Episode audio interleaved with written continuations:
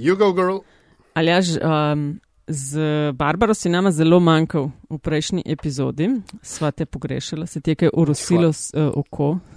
urosilo se mi je oko, zelo mi je srce in, in uh, predvsem je bila zelo dobra epizoda, tako da čestitke. No, hvala, ja, Barbara je res uh, top strokovnjakinja in za najne poslušalce in poslušalke je dovolj dobro, samo najboljše, kaj ne da je. Um, Met in čaj, torej podcast o medijih, dobrih in slabih praksah, novih tehnologijah in trendih prihodnosti. Gosti v medijih delajo, z njimi živijo in v njih razmišljajo, z vami pa gostitelja Ljašpenga Obitenc, Radio Chaos in Nataša Briški Metina Lista. Lepa hvala na tem mestu za komentarje k epizodi in vsem ostalim epizodam. Um, če vas zamika, Komentarji in predlogi vedno dobrodošli na infoafna.metinalista.si ali pod ključnikom Metin čaj ali pa naj jo podsukate za rokav na Afna Pengovski oziroma Afna DC 43. Uh, lepa hvala tudi vsem, ki um, uspete donirati, investirati v projekt Metine liste, da lahko podkaste in ostale vsebine pripravljamo z nezmanjšano hitrostjo in upam, da tudi kvaliteto. Aljaš, preden greva k tokratni gosti, tvoj uvodni. A, jaz bi samo pozdravil vse, ki jih poznam. Lepa.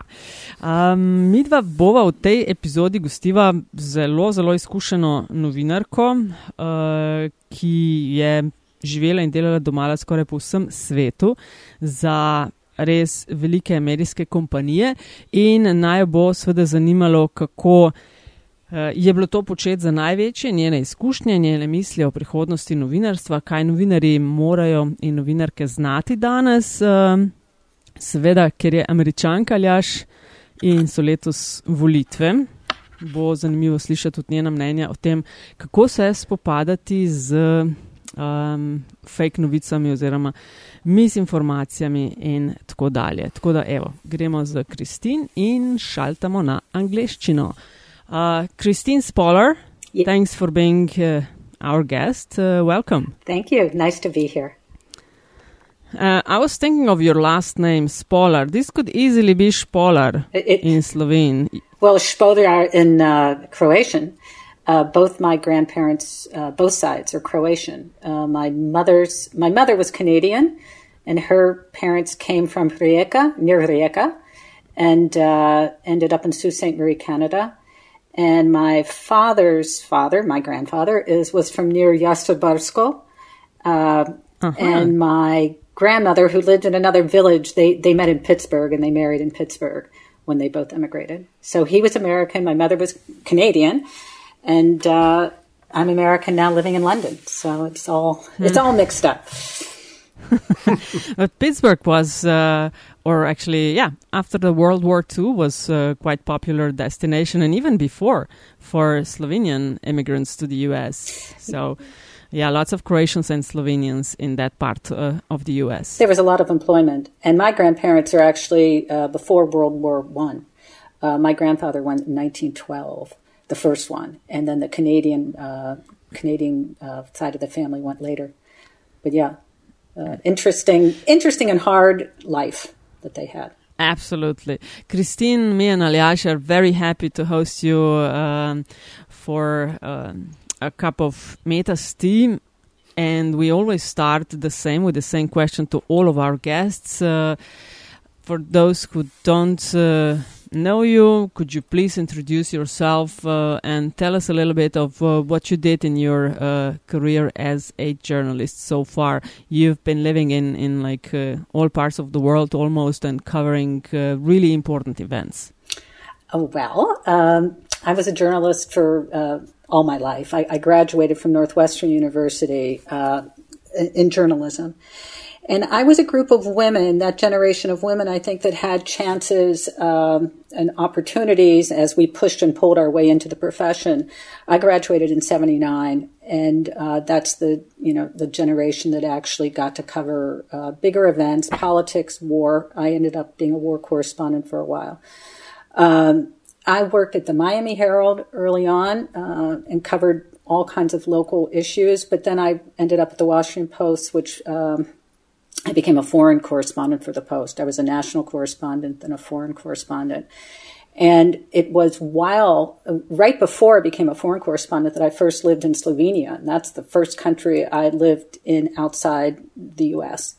And I was a professor at FDV um, in 1992, which was a very interesting time to be in Slovenia and Ljubljana, particularly. And I had two classes of mm-hmm. students, mm-hmm. and they were terrific.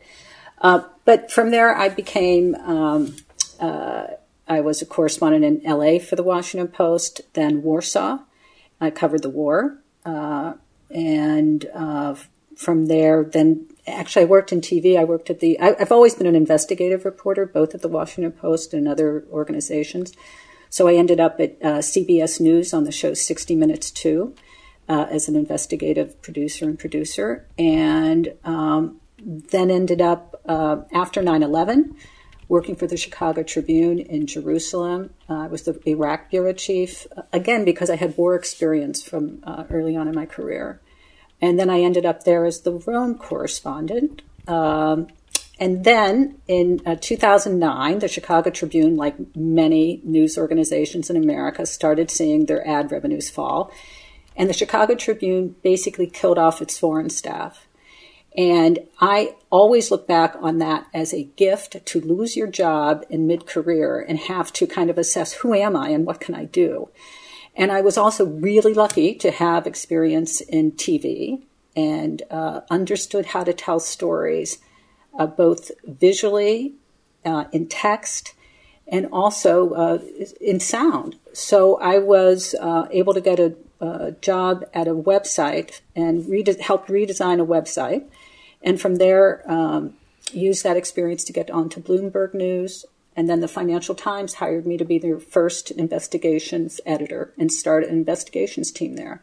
And I was there about six years, uh, six and a half years, I guess, and um, in London, and uh, adding yet another city, uh, another capital to, to places I've lived. And um, and then I went back to the states after Donald Trump was elected uh, to do a um, was executive editor of a healthcare uh, news site, and I wanted to be back in America to see America changing. And I happened to work in a field, healthcare news, that is really a critical problem in the U.S. now, and a, and a matter of inequality. Uh, and then out of the blue, uh, the New York Times asked me to be the international business editor in London. I was doing that for the past year. I've just quit. Um, and uh, you know, I've had. I've had a big, I've had a big broad career, but I, but I, I, actually think my time in Slovenia helped put me on the course to say, well, uh, I, I can do something I thought I wasn't, you know, really cut out to do. I could be a foreign correspondent and a war correspondent, which was, uh, there weren't a lot of women doing that at that time. No, um, you worked, as you said, in many of the top uh, world media outlets. Uh, what got you into journalism? I actually. What was the drive? Well, th- this is a funny little story. I in high school, I went to a very rural high school uh, outside Pittsburgh, 25 miles northwest of Pittsburgh, and um, uh, there were only 200 students in my uh, in my graduating class there wasn't a lot to do in a rural area, so I belonged to a lot of clubs in high school, and the um, the same person who was the drama coach, and I did a lot of drama, um, and I you know, I had a nice singing voice then, and I did a lot of stuff.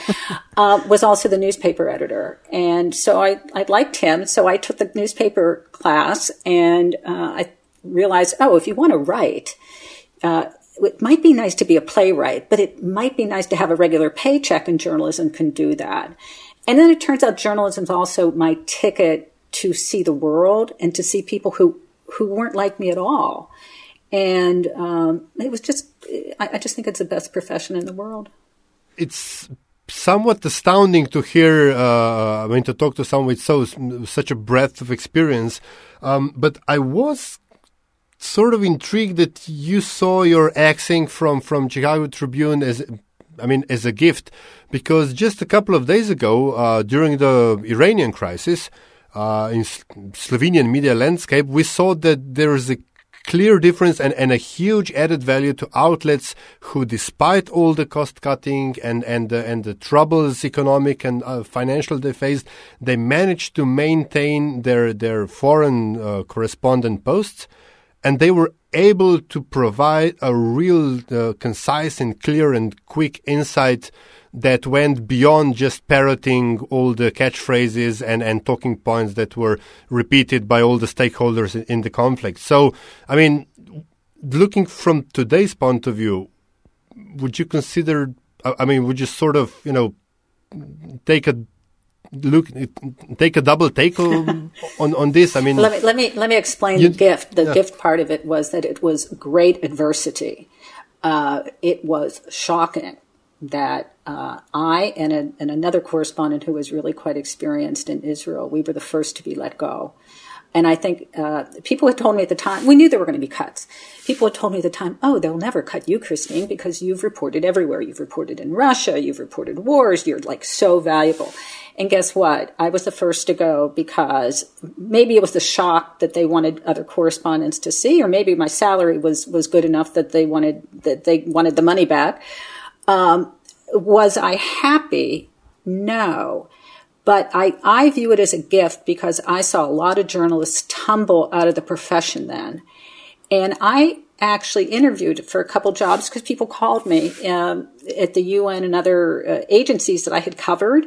Uh, I used to go to Iran quite a bit, and I did a lot with uh, uh the stalemate between the U.S. and and, uh, and Iran over its uh, nuclear program. So um, I was getting job offers. Would you like to be a spokesperson for different agencies? Would you apply for this? And I went to uh, two interviews, and my stomach hurt after the interviews. And it just told me I can't do that. That my it helped me define who I was. That I was a storyteller. That truth was really important to me. That facts are hard and hard to get, but I like that part of the journey. And I also have um, I'm not afraid of being tested. And I'm not afraid of, and you don't find that out. I think you don't find that out until uh, maybe you cover a war. Like the reason I was a good war correspondent is I, I just don't panic at the big moments.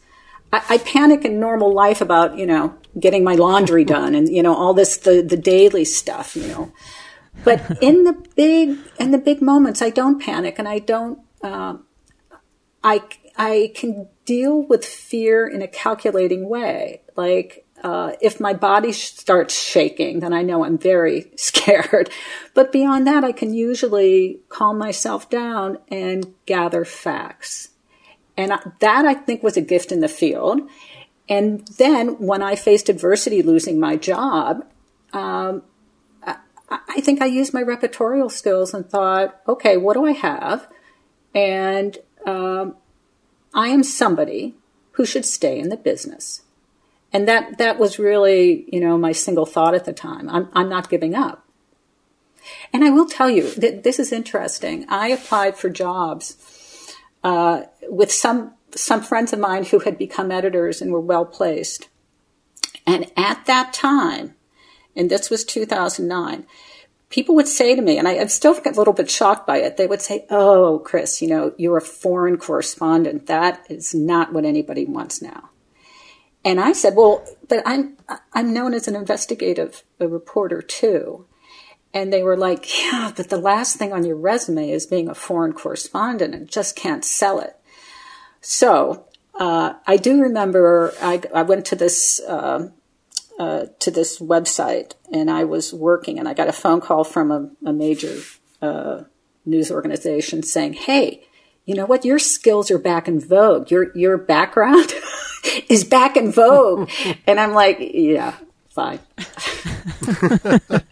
and, and, and I'm thankful. Like I said, I'm thankful for it. I I think that the sorrow of losing your job, and I. Uh, I guess I never have felt so defined by my job the job itself. I feel so defined by being a journalist and being a storyteller and knowing that you can contribute whether you work for big places or small places. If you're good, people know it. People read you. The the irony of this obviously obviously didn't escape me. I mean, uh, it seems that there's we're all in one, one, big giant swing, and sometimes it's this profile that's more in vogue, or or or, or uh, this sort of talent that's being uh, sought, and now now now the other. But um, you mentioned you know that you really after facts, and now with with, with uh, establishing the investigative uh, uh, journalism unit at the FT forgive me for being cynical, but it seems that facts are not in vogue in this day and age. Um, I, I, do think there has been a rise of opinion pieces and columnists and um, what people want to read because uh, there has been um, a real redirection of people wanting to hear people who try to make sense of things, and often that's in a personal way of telling stories and or opinion pieces. And I think that's why people are attracted to that. Um, I also think, though, and I think that the New York Times would, would say this, and the Washington Post is clearly saying this, that people want investigations. They want to read reports where people get to the heart and to the bottom line of what is actually going on. The, Washington Post is in, is you know creating more investigative reporters. I think they're adding a, a staff of ten, you know, over the next year, uh, overseas and and uh, domestic. Um, I, I, would say that the New York Times believes deeply in its investigative uh, fact finding reporting, and that's how it has expanded in the past three or four years when you look at the headcount.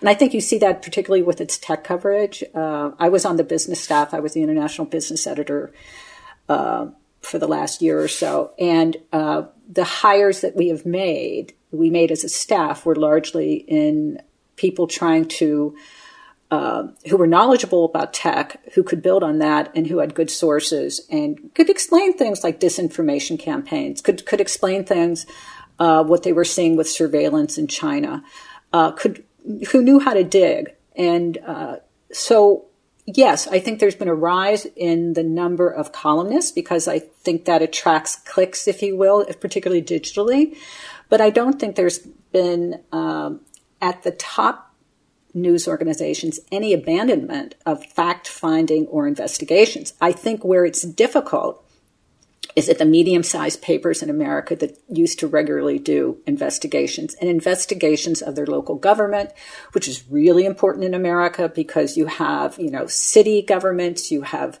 uh, county governments, you have state governments, and they all have all have laws that are different than the federal laws, and you have to be it is helpful for your news organization to be looking at who's accountable in the governments that, that are supposed to serve you. So that's been the hardest hit, I think, is the smaller uh, market news organizations. Uh, and you see, I see this here in, in the UK too. I've, I've, been living in the UK for almost 10 years now, off and on.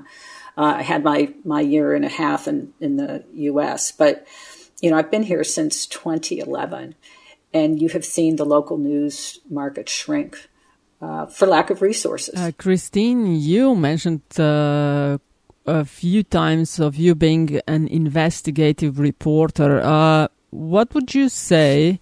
in in your eyes what constitutes as being an investigative reporter well, okay, so I laugh at that term because I always tell I always told my investigative reporters at the at the FT like we're just reporters.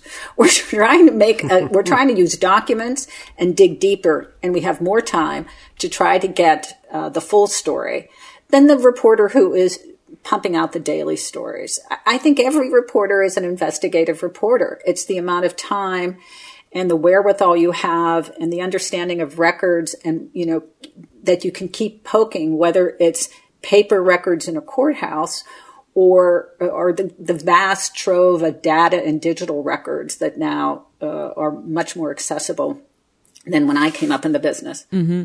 And you have experience in, in print, online, uh, radio, uh, TV. Uh, does that differ between those uh, various forms? Uh, well, I think I think you differ in how you write, and I think it's different in how you might tell the story. But I don't think there's much difference in trying to get the story.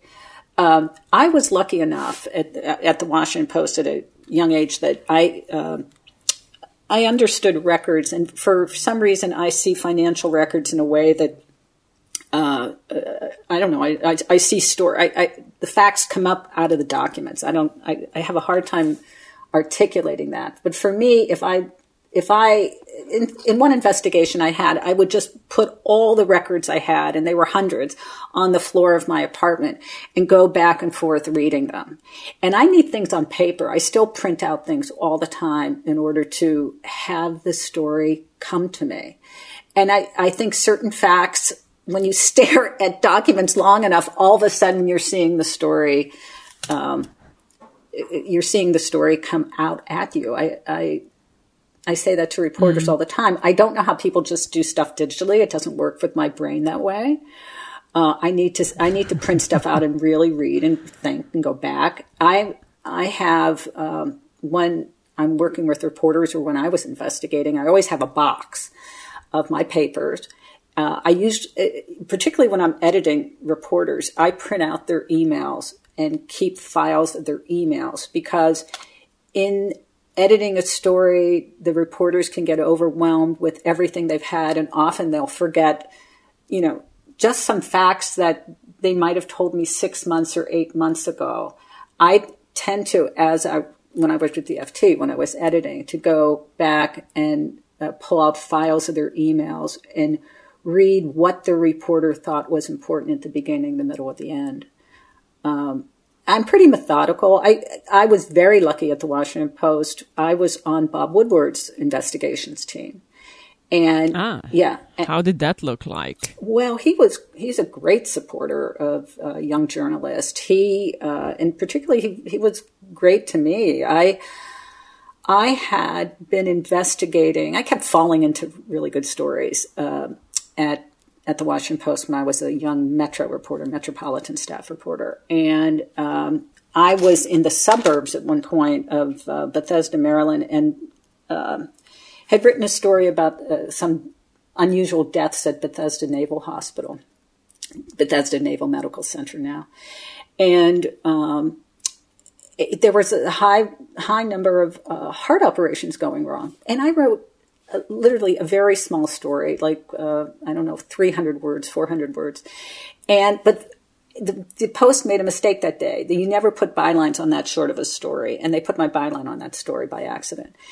And somebody at Bethesda Naval Hospital started leaking me documents, literally sending me uh, medical records in brown envelopes. And uh, I eventually ended up writing about a, um, uh, the surgeon, and he faced court martial and it was in Congress investigated. And I was 26 at the time. And this was a very big deal for me. I, in, the, in the annals of, of journalism, it's not a big deal, but it was a big deal in my life. And, um, and Bob Woodward noticed it. And, uh, he said to his assistant one time, just walk over to Christine's desk and see if she'd be interested in, in working, uh, on the team for a year. He had an opening for a year. Somebody was writing a book. And of course, of course I wanted to. Christine said yes. Christine, like, you know, her head popped off. Uh, so, but he, he was just really, I, I found him really supportive of women and really supportive of young people. He was also really methodical. So I would go to an interview and um, and I tend to do long interviews, and people people throughout the, you know, Bosnia would say like, "Oh, Christine Spolar's coming; it's going to be an hour." But I um, I I always did long interviews, and uh, and I would come back, and Bob would want a uh, memo, so I would write a memo, and I had spent a full hour, you know, an hour and a half. So I was quite proud of my little memo, and he'd say like, "Ah, uh, you know, it's good, but." You know, you're not even halfway there. I'd say, what? and he'd say, you, you, haven't, you haven't really talked to the guy. And I'd be like, I was there for an hour and a half. He goes, you have to, you have to go back. You, know, you have at least three more hours. And he, and I did, you know. Uh, so, and he, he has an unusual way of reporting. He was, I was also lucky in that year. He was not writing a book.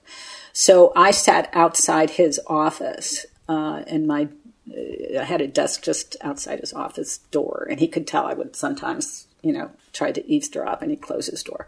But I, you know, it, his method of getting people to talk to him um, uh, was just an interesting thing to observe and also to to take lessons from. Mm. For the past 10 years, you mentioned you lived in London, and uh, if uh, my memory is correct, you were working uh, for the Financial Times when the Brexit referendum occurred, right? Exactly, yeah. Uh, and your team um, was covering the, the business angle. Could you talk a little bit about uh, how it was? What is actually the since we talk about Brexit for the past two three years all the time almost living in the EU. Uh, what's the business angle of the cost of Brexit? Well, uh, how much will that cost uh, them, us? Uh, what were the results you came up with? Well, that's it's not quite what we did. Um, I was working at the Financial Times at the time of the referendum. Uh, the the UK staff was really um, digging into that. My staff did not. What I did in the last year here for the New York Times is we were looking at and trying to explain uh, just what Brexit would mean in a way that um, could could really. I, I think people got lost in the facts and lost in the bigness of the figures that everybody was throwing around with Brexit. What I did with um, one of the, one of our reporters here, in uh, Amy Tsang, uh, one of the reporters for the New York Times, I sent her to Sicily and said, "Follow a tomato," and we wanted to see what would happen with food prices. Uh, and there had been lots of reports that just, I think when these reports were coming out in London, they they were just getting kind of overwhelmed by uh, the conversation, and people weren't really focused on what will it mean to my pocketbook? How will prices go up? And it, Amy spent, I think, three, maybe 10 days going from Sicily to London uh, with uh, a truckload of tomatoes and talking to people along the way, both the drivers, the farmers, uh, the people at the at the stores in London who you know thought that their prices they know that their prices will go up the the traffic lanes through Europe to the UK and how you get through the ports is uh, a 20 year old uh, very efficient system. The roads in the UK, if if you want to survive on rhubarb or whatever whatever uh, vegetables will be coming from east to west of UK, they they don't have the same kind of, uh, of efficiency and ability to you know crisscross the country. So it's going to be uh, just in the simple thought of what will be on your dinner plate, uh, Brexit will be a shock. Uh, I had that idea actually by going, strangely, to the Chelsea Flower Show. And I met a man there, uh, one of the exhibitors, who was selling seeds. And uh, we got into conversation, and he said, I'm selling seeds this year, and people were very interested in it because nobody knows where their food comes from. And they don't really understand in the UK the growing cycle. And I think one of the, uh, for me, one of the best shows on the BBC is, and my friends laugh at me about this, is Farming Today, that gets into what will this mean for farmers? Uh, what will this mean for, uh, you know, just the transportation of food stuff in the country? Uh, actually, I saw that that piece uh, following Tomato from Sicily, and it, it, was quite something. I mean, even for us who have been following the whole Brexit sordid saga and um, sort of fr- from near, but from the outside. But what what I'm interested in is you, you mentioned this overwhelming of of, of information and opinions, and that the UK public uh, has faced. I mean, does the f- factual reporting does it even get through the noise? I mean, does it reach it, its its its intended mm, population uh, demographics?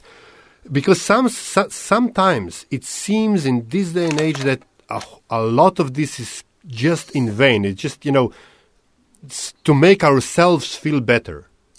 Well, I think that's I think that's a really interesting point, and that was part of why I wanted to follow a tomato.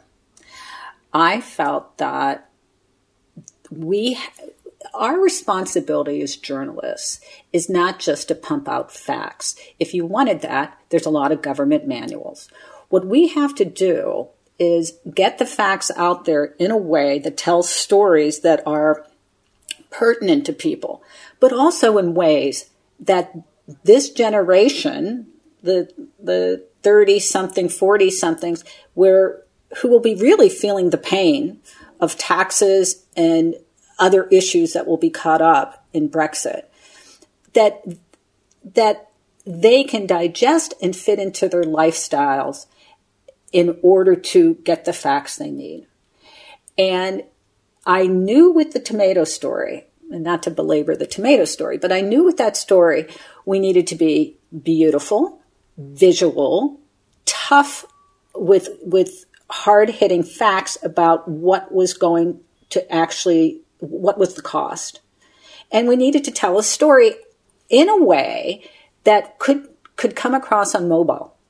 And I think the biggest issue we have, and I, I get in arguments and, and debates, I should say, with reporters all the time on if you're going to write me a 1200 word story, how far do you think that person is reading the story? Uh, I investigations, and I would argue this at the FT because the FT had very strict word counts: 800 words, 1200 words. When I came as, as investigations editor, Lionel Barber, who was the editor, was like, there is no story that needs to be over 2,000 words. And, you know, it's very hard to do an investigation in that amount of space. What we found at the FT is if you tell a story well and it needs the words, people will read 5,500 words now. At the FT, I might have to get that into the magazine at the FT rather than the daily paper. But digitally, people would read through that story. And I think that's what, what, uh, but, but again, who was reading that story? And I think your point is well taken. So when I'm thinking Brexit, I'm thinking, how do I communicate to a larger audience who just really wants to understand how their lives are going to be affected? They aren't business people. They aren't CEOs who are reading the, the FT. How do we do that? And I think that's the biggest challenge for journalism is not overwhelming people with, uh, not overwhelming people, figuring out how to tell the story in bites and in ways that can be serious and useful. And how? But you're, co- but sorry, Natasha, but you're competing with rage.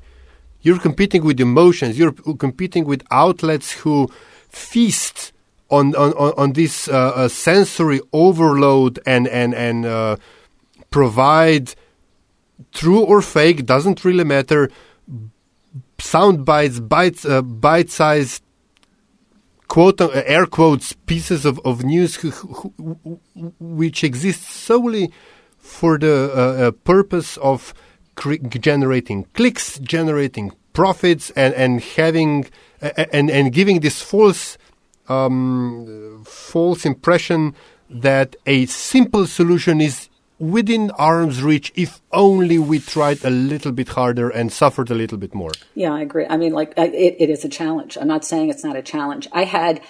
I had an interesting trip to Dublin in the past year. I, I went up there to see uh, to see a friend who was was visiting, and I got in multiple conversations with you know people in bars and people at a hotel or people on the street, um, talking about Brexit and talking about Northern Ireland. And I was really struck at how well informed anybody was who I was talking to. And I came back to London and I was talking to two uh, uh, friends of mine who are Irish.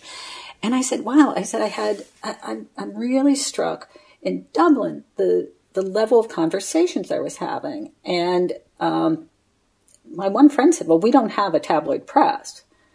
And the tabloid press in London and in the UK has affected the conversation and infected the conversation about Brexit in a way that it, it, it is emotional, it is comical, it is, uh, you know, uh, giving fire rather than light to an issue. And she said, it really makes a difference. And you see it in Dublin. I, I did not know that, that uh, Ireland did not have a tabloid press. And I think that does make a difference.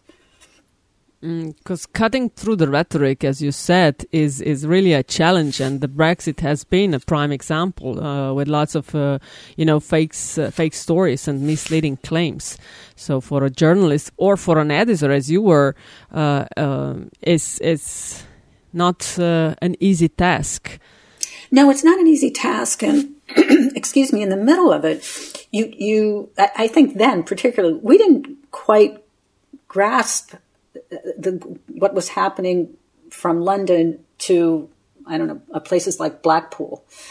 Uh, I had talked to the reporter who was doing. Um, it's interesting. The week before Brexit, I was talking to the reporter on the UK desk, who was going out to different cities, and he had written about six stories talking to people in the towns about you know what they thought about Brexit, and it the week before I said, Josh, did how many places want to stay?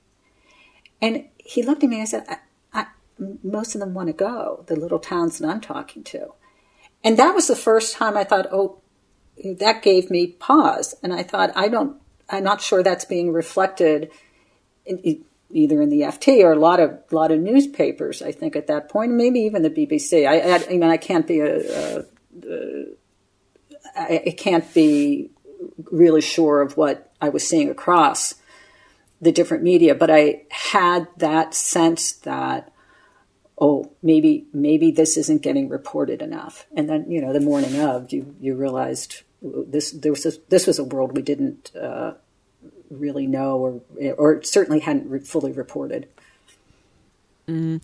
So, so, so that's sort of the equivalent of the quote unquote flyover country in the US, which apparently, I mean, so the story has been relayed, no big media outlet reported on, and then in 2016, that's where the the break happened. Well, I think part of what happened was, um, and I do think that this is the you've seen a rise in online and website and um, uh, news, so-called news outlets that have a lot of opinion, as your traditional small newspapers and news organizations that are based in covering government, you know, covering meetings about sewers and you know uh, how cities really operate and what the services that people need, as those have closed or diminished. So. Uh, people might think that they're being informed by going to an online outlet, but are they being informed or are they in an echo chamber of, of opinion that is really not helping them know what the facts are on the ground? And that's what I think you've seen in both the UK and the US during this time period. You're seeing diminishment of, of, you know, long, uh, and long held news organizations that were respected in their communities. You know, people can always fight about that, but they were they were known entities of fact and fact gathering in their communities. And you've seen the rise of online websites where people are, are entering an echo chamber on some level and, and hearing what they want to hear. Besides Brexit, uh, Christine, uh, as you and Aljaž already mentioned, the US elections are uh, the other thing that the world media reported extensively in the past uh, uh, couple of years. Uh, now, you have elections this year in November in the US. the stakes are high. The major media outlets have doubled on efforts how to curb the onslaught of fakes. is by your opinion, the challenge real or are we exaggerating? Well, I think the challenge is real. And I think that I, one thing I've tried to do this year, which I, which I would always say to my students in Slovenia, and I feel deeply, the least thing you can do as a citizen is read. And I think you need to read reports when they come out, and you need to understand more than uh, what's going on in Washington than watching what's uh, what the news report is on uh, on TV. You need to read the actual reports. I read the Mueller report. I recommended the Mueller report become uh, a book Ouch. club book club That's a long piece. I know, but you know what? If you read if you know, read 50 pages a day, you get through it. And I think if you I think if if there's nothing else, the Mueller report said there was interference in the in the US election. And that to me was waving a red flag and saying to Congress or to the White House, you should be on top of this. This is the center. This is the core of your democracy is uh, information that can help you decide your next leader. And when that gets tainted and when that gets perverted in any way, you've got a big problem on your hand. People know this. I mean, if Mr. Mueller didn't do anything, he did that. So I, I think that's uh, it. That is so concerning. Um, you know that that's just our big challenge, and and everyone's challenge now. I mean, look at look at. Uh, I, I think Europe is is very cognizant of different elections of what is happening with uh, information and disinformation, and I, I think you know how do we address that? I don't have any simple answers, but I certainly know that it's a threat. Uh, funny you should mention the Mueller report because I was it was precisely what I was thinking about just before we started our, our, our conversation because it struck me that even with all the I mean all the brouhaha about fact checking and, and how how this is the next big thing the problem that nobody seems or few people seem to mention is that when the fact checking doesn't go shall we say your way um, then people who are often in, in favor of check, fact checking, in, in um, general public, discards it, discards it as you know not being thorough enough, not liking the result. It's it's uh, it seems that fact checking itself is not the answer. It's only a means to an end. So what that end should be? I mean, is it media literacy? Is it something else? That, that's yeah. I think that's a really interesting uh, question.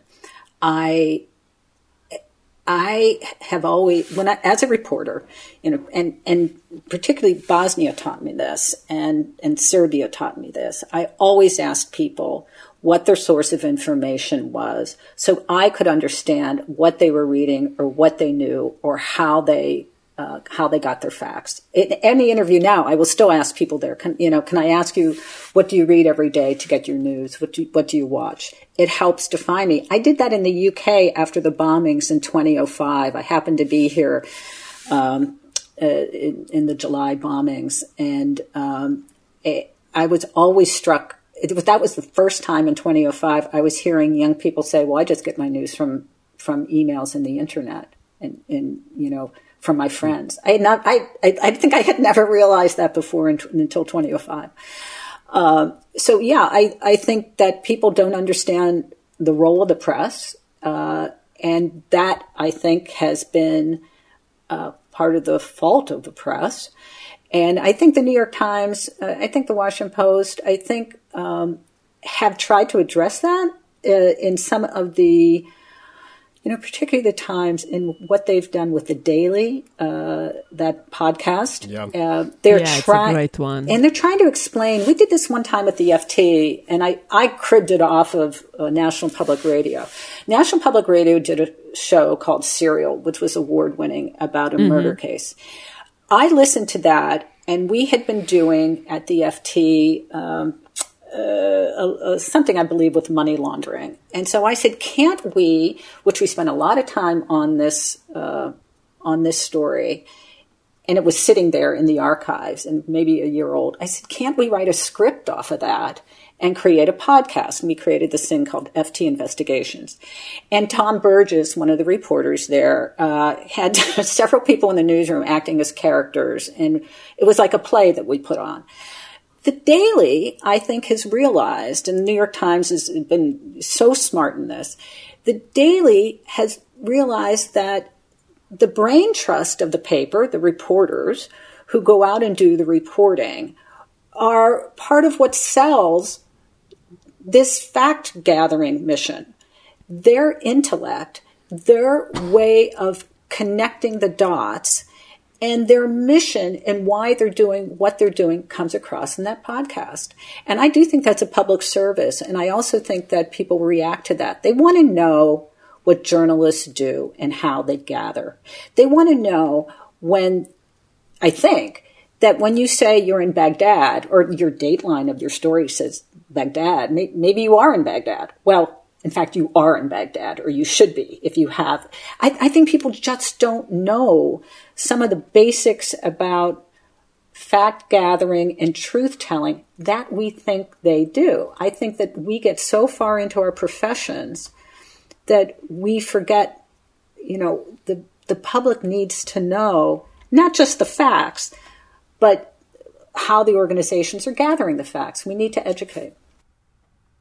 Uh, Christine, uh, I am wondering, listening to you, how does your media diet looks like regarding uh, the Brexit, the U.S. elections? Uh, which journalists, the media outlets, would you recommend following, or which ones do you? Well, I read um, the FT. I read the New York Times. Uh, the Washington Post has been doing great stuff. Um, the Washington Post went through a really rough period where uh, some of the, their staff had gone down. After, since Jeff Bezos had bought them, they uh, they've really uh, brought the staff back up to in the numbers that they needed to do, and they're doing some great stuff. Um, and in the UK, uh, I read the Times. I, I, do read the Daily Mail because I, I want to know how how different publics are getting their information. Uh, I listen to BBC and I listen to, you know, a channel surf look, looking at the different news outlets. I read a lot. One of the reasons I just quit my job right now is I felt like I wasn't getting the time to read deeply into uh, issues I wanted to read. So I have a whole reading program going on right now. I've, I've called my time off the Christine Fellowship. Um, because I'm really, uh, I do think you need to read things like the Mueller report. You need to read bits of it, think about it, come back to it. I'm just finishing up uh, now uh, Thomas Piketty's Capital. Uh, I think inequality um, and and the economic inequality is so important to understand. And then next on my reading list is Paris 1919, which is the the centenary, centenary um, of uh, the peace agreement and uh, the Margaret Macmillan book, which I, I think other people have read, and I, I think it's it's past due on my reading list. So, and New Yorker. I also mm. read the New Yorker. They, they're doing great stuff too. Mm. Um, one question regarding your career uh, in the Middle East. Uh, I wonder, and since you know it's with Iran and the U.S. Uh, quite in the spotlight again, uh, I wonder how was it for you as a U.S. journal in parts of the world where U.S. is not necessarily popular, uh, popular, probably quite the opposite. Yeah, I, how was it? I traveled regularly to to Tehran in 2007, 2008. I think I had eight trips during that period. There was only three of us that got in. Michael Slackman, then I think at the Los Angeles Times, though now he's foreign editor of the New York Times, and Karl Vick, then of the Washington Post, and myself, and I was the Chicago Tribune. And why I was getting in, I have no idea. Um, but we got in pretty regularly, and I'm really grateful for that experience, um, you were followed. You know, you had to do a certain, uh, you had to stay at certain hotels that you could be monitored, and you had to use certain translators that, you know, uh, the, the Ministry of Information, I think that was the proper title of it, um, would sign off on.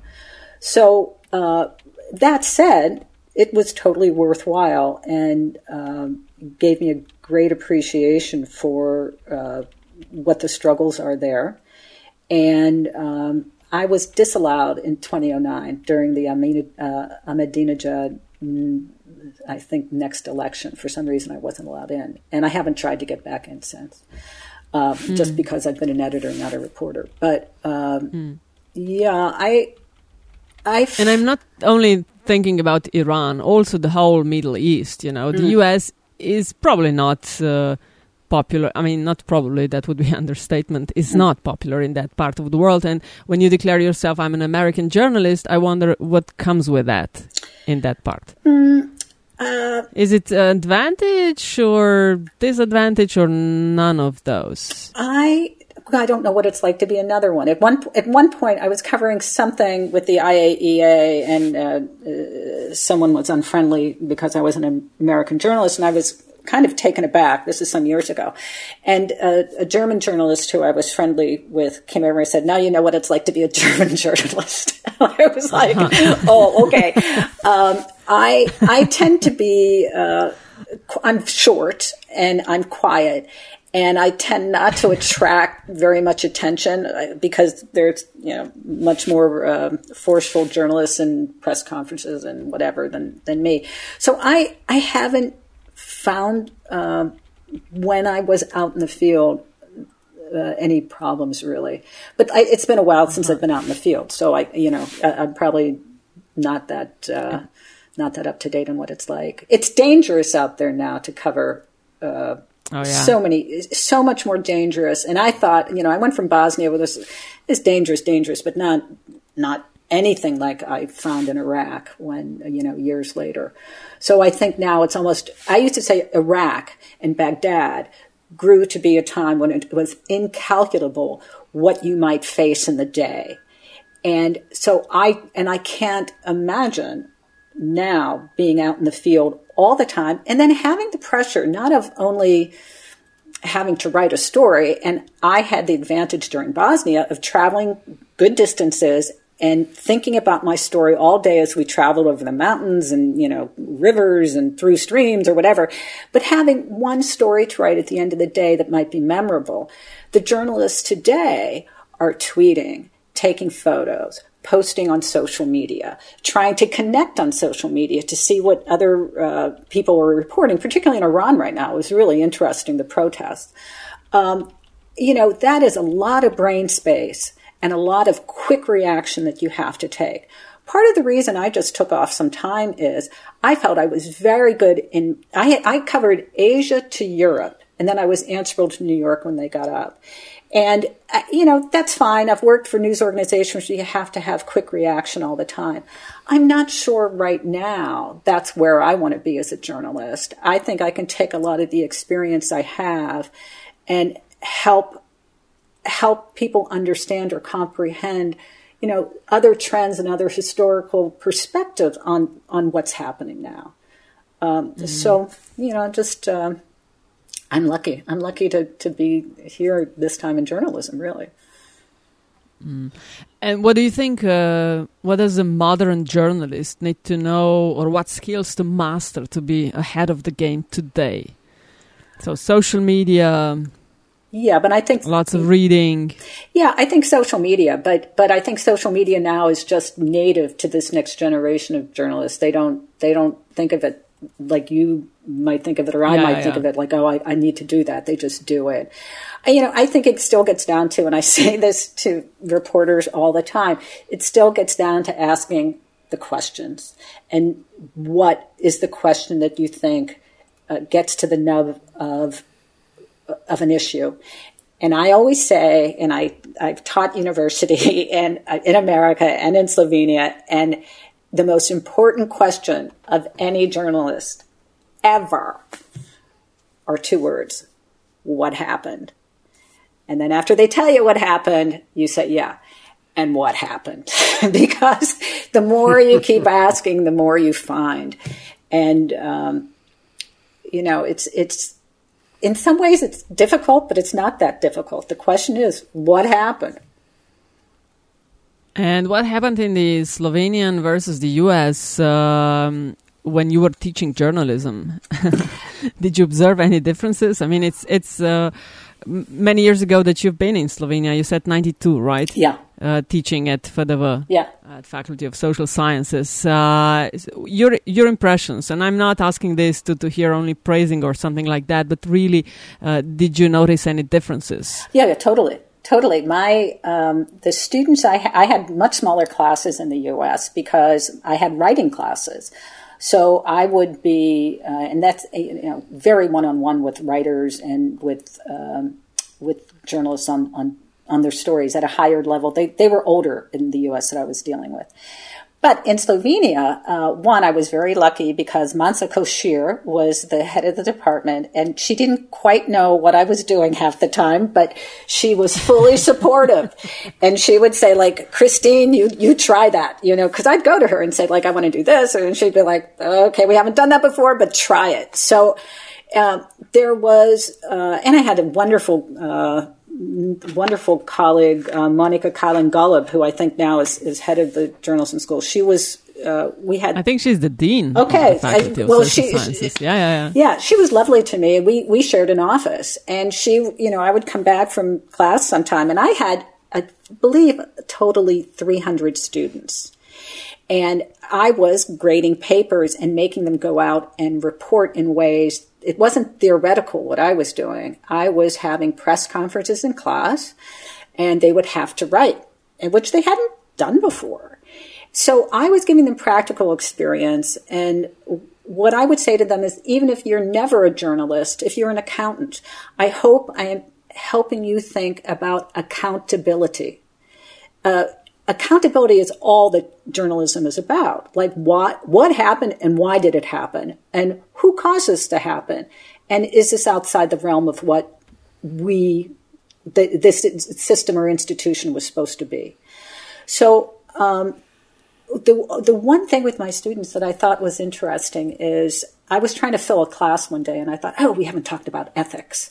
I'm going to do a, a short thing on ethics, and then I and I created this um, uh, you know, series of hypotheses. Okay, your friend is a police officer and something has gone wrong with one of these arrests and you're the reporter on it and your friend comes to you and says hey don't i know that you know about this but don't write about this because this will get me in trouble. And we're good friends like you know we've been friends for years. And i said what would you do? And uh, it, there was there was such a range of what uh, students thought they should do that I realized, oh, I have a couple sessions to do on ethics, and and and you have to do it in a way that uh, I don't want to judge and say, oh, right, oh, wrong. I want to say, okay, so if you make that judgment, what happens in the next week and the next week and the next story you want to do? You know, you have a sense of fairness and right and wrong, and you're trying to get out facts for you know, who are you serving? You're serving the public, and there's a public interest in why you're doing your reporting. So, like, you might have friends, and friends do bad things, and so you have to you have to be even keeled in your approach to why are you there and what is your purpose as a journalist and that so that was a that was a big thing because most students in the US, I think, go into journalism to right wrongs. And my students at the time were like, well, how do you, how do you decide between personal relationships? Because in fact, to get through some of the times that there were in recent history, right? You relied on friends. So how do you make the judgment that your friends could be doing something wrong and you would still have to report it? And, and I, that's why I'm not judgmental about it. We have all had different histories and, and different understanding, but I'm happy to talk through my thought process of what I think is right and wrong. And it's your democracy; you choose. Seems to me that your lectures are again or still sorely required in Slovenia, but then again, it's not just me. So I would join you plus one. I missed you, Christine, just for a year or two um, when I started uh, studying journalism at the Faculty for Social Sciences. But this uh, MetaST has uh, is just quite uh, educational. So thank you for that. Oh, thank you. This has been fun. Yeah, Aljaž, should we go with yeah the last, last, question, please? Yeah. So the last question is always the same, Christine, to all of our guests. Uh, like uh, tell us something we don't know that can be something uh, a story an anecdote or a piece of information that is connected to you personally to your career or just something completely uh, else and it's totally up to you well, um, my students would probably find it funny. I am a certified 500 hour yoga teacher. And I started taking yoga when I was covering the Intifada in Israel. And uh, I just couldn't calm down. And I ended up starting yoga there. And then over the years, I thought as you get older, you need to know how this body works because the one thing you need to do your job is a body, a healthy body, and sometimes you need to run, and sometimes you need to, uh, you know, just be able to find a place where you can think more clearly. So I took uh, yoga training, and I turned out to be uh, a student with a, a, a yoga um, a yoga studio in Ljubljana. Natasha Rentut, um, Nataraya is her studio, and uh, we trained together which she probably didn't even know I was a journalist. But um, yeah, so uh, I'm a yoga teacher, but I don't teach uh-huh. actually. I just uh, I just practice. No, that's interesting because I heard uh, from many colleagues that uh, cover or have been living in very intense uh, parts of the world that they are looking for a formula or something that, that calms them down or uh, that helps them cope with the, the pressure. And many said just yoga. So yeah, yeah, I think it's I, I think it's helpful, and I think that uh, particularly if you covered wars, uh, I think it helps you think about what are you beyond the war that you're covering. I think people get famous from covering uh, or or rewarded uh, for covering conflicts but I think there's many levels and many aspects of your personality. Um, if you're a journalist, you can do uh, and ask questions well, you can adapt. And I was lucky. One of the things when I lost my job in 2009, uh, I was able to remake myself. Uh, and business journalism has turned out to be uh, a really good field for me. So, you know, yoga probably helped me in that in that thought process too. Uh, Christine Spolar, thank you for your time, for your thoughts, and being a guest of uh, Meta's Tea. It's been a privilege. Oh, thank you.